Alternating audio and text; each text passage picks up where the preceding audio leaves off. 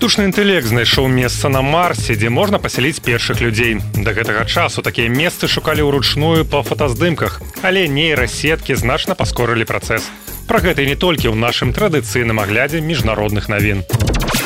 Сістэма штучнага інтэлекту выявіла дзясяткі новых уваходаў у пячоры на марсе прааналізаваўшы выявы марсіянскай паверхні Некаторыя з гэтых пячор могуць стаць базай для размяшэння першых людзей перасяленцаў піша індэпендэнт.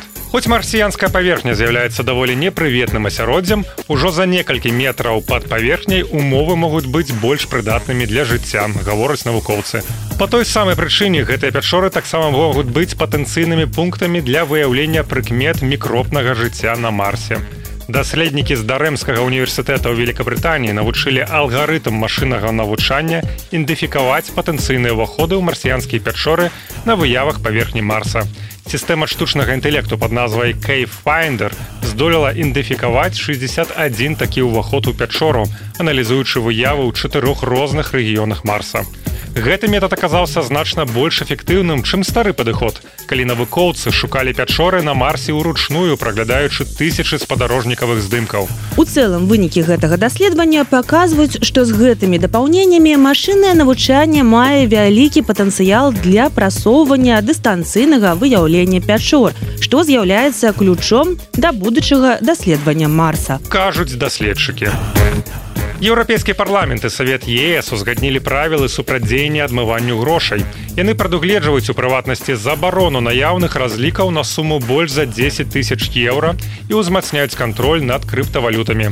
Да таго ж краіны чальцы будуць мець магчымасць уводзіць і больш нізкую максімальную мяжу. Паводле папярэдняй дамовы абавязаныя асобы павінны будуць ідэнтыфікаваць і правяраць асобу, якая здзейсняе плацяжы наяўнымі на суму ад трох до 10 тысяч еўра.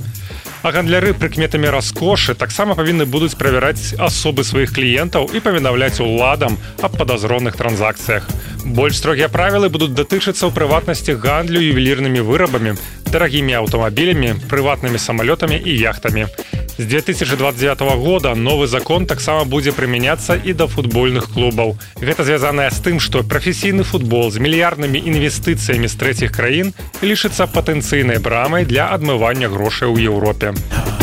Паўночная Карея правяла выпрабаванне сваёй падводнай сістэмы ядзернай зброі. Як паведамляецца, паўночна Карея абвінавацілі ЗША паўнёвую карею Японію ў вар'яцтве ад ваенных вучэнняў, папярэдзіўшы аб катастрафічных наступствах. Пазіцыя падводнага процідзеяння ядзернаму ўзбраенню нашай арміі працягвае удасканальвацца.